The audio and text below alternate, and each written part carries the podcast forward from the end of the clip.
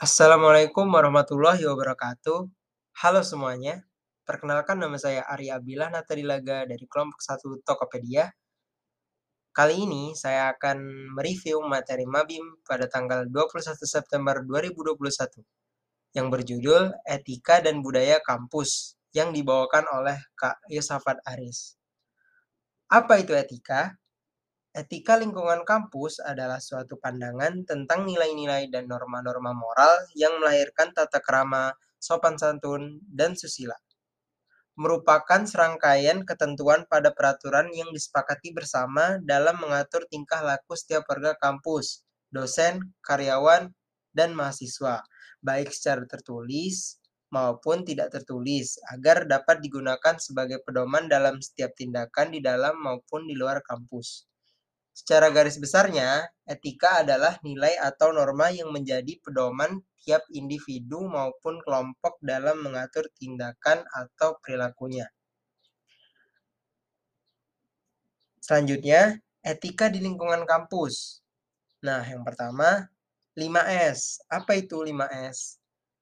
Yaitu senyum, salam, sapa, sopan, dan santun. Nah, jadi misalnya ketemu dosen, itu minimal senyum lah.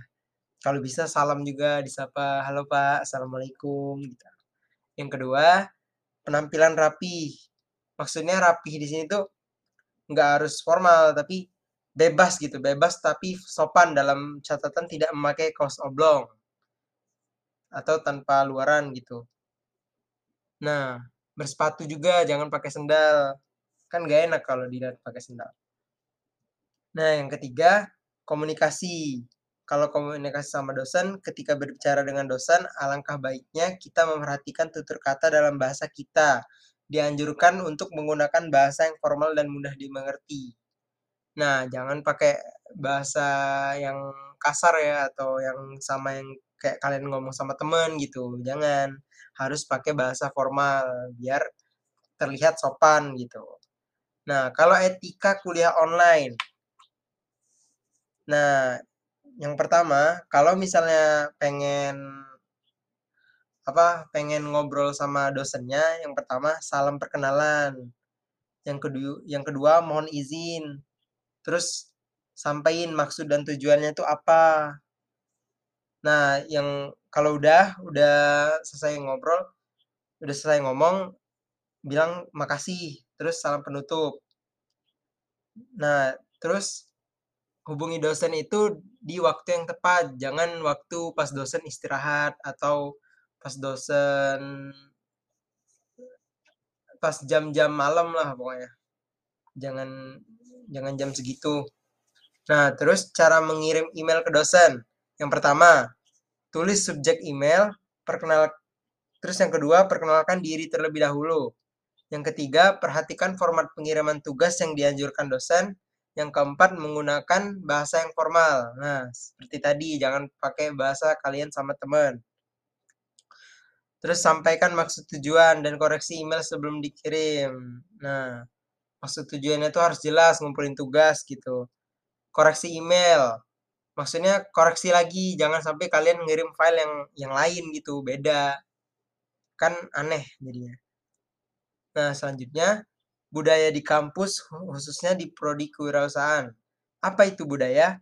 Budaya kampus adalah cara hidup yang dimiliki mahasiswa di lingkungan kampus yang mencakup hal akademik dan non-akademik serta diwariskan dari generasi ke generasi. Budaya dapat diartikan sebagai suatu cara hidup yang terdapat pada sekelompok manusia dan perilaku dalam berinteraksi dalam lingkungan kampus. Nah, selanjutnya Bagaimana cara manajemen waktu sebagai mahasiswa? Manajemen waktu adalah segenap kegiatan dan langkah mengatur serta mengelola waktu dengan sebaik-baiknya, sehingga mampu membawa ke arah tercapainya tujuan hidup yang telah ditetapkan. Nah, jadi sebagai mahasiswa itu kita harus sebaik-baiknya dalam memanajemen waktu agar tugas-tugas kita tidak terbengkalai. Nah, selanjutnya Faktor yang mempengaruhi manajemen waktu yang pertama target. Targetnya harus jelas, misalnya setahun ke depan harus mulai start apa-apa gitu, misalnya dua tahun ke depan buka usaha, udah buka cabang gitu. Yang kedua, prioritas kerja. Jadi prioritasin kerja yang mana yang paling yang paling utama, yang paling penting. Nah, yang ketiga menunda pekerjaan, jangan pernah menunda pekerjaan. Yang keempat, pendelegasian tugas. Nah, selanjutnya tips manajemen waktu bagi mahasiswa. Yang pertama, tetapkan tujuan dengan benar. Yang kedua, prioritaskan dengan bijak. Yang ketiga, tetapkan batas waktu. Yang keempat, istirahat di antara tugas-tugas. Yang kelima, atur diri. Yang keenam, hapus tugas atau kegiatan yang tidak penting. Yang ketujuh, rencanakan ke depan.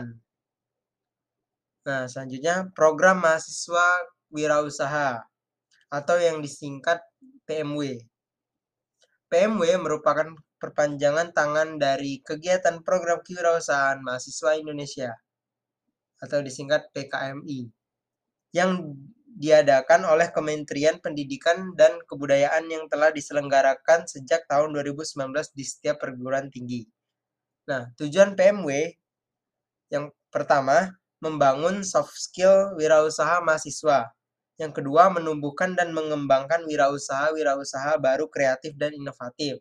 Yang ketiga, mendorong pertumbuhan perkembangan atau terbentuknya program kelembagaan pengelola program kewirausahaan di perguruan tinggi.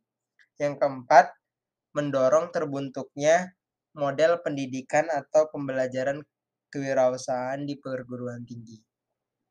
Nah, kesimpulan yang bisa saya ambil dari materi Mabim ini adalah etika dan budaya kampus itu sangatlah penting untuk diri kita.